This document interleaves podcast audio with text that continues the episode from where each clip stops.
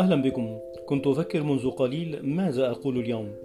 إن اختيار الكلمة في منتهى الصعوبة لأنها أمانة. قبل أن تكون كلمة عادية إنني أتكلم وأتوجه إلى فئة من الناس في مرحلة نضج نفسي وعصبي وعمري.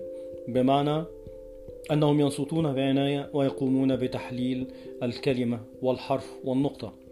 هل نتكلم اليوم عن الوحدة التي يعيش فيها البعض منا وما يترتب عليها من عواقب نفسية تصيب الروح قبل أن تصيب القلب والعقل أم نتكلم عن بعد الأبناء والأحفاد عن الآباء والأجداد.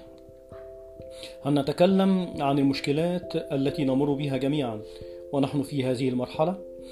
هل نتكلم عن التفكير في الماضي والذي قد يحمل ذكريات جميلة أو سيئة؟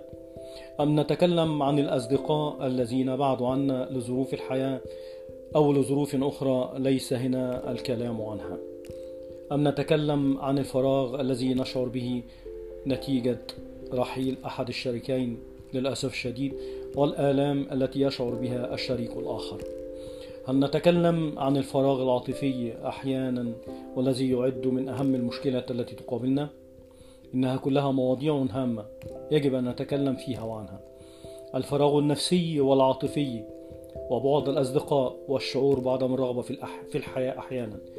إليكم شباب فوق الخمسين يجب أن نتواصل معا ونتكلم من أجل أن تسير حياتنا في مجراها الطبيعي. يجب أن يشعر كل منا بالآخر ويحكي له آلامه وأحزانه ولحظات القوة والضعف يجب أن نفرج عما في داخلنا حتى لا ينعكس كل هذا على النفس وبالتالي على كل شيء. نحن لسنا عبء عبء على الآخرين. نحن خبرة السنين وبسمة هذه الحياة. احلم صديقي وصديقتي وأخي وأختي بالغد. احلم بكل شيء جميل يحمله لك الغد.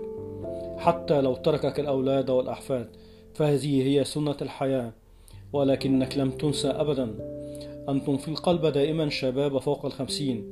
لذا علينا جميعا أن نتغلب على الشعور بالوحدة بالقراءة وسماع الموسيقى والتريد وزيارة الأماكن التي تذكرك بكل ماض جميل. اذهب لصيد الأسماك اذهب إلى القهوة أو المسرح أو السينما. اذهب إلى مكان كل خضرة واسرح بعقلك.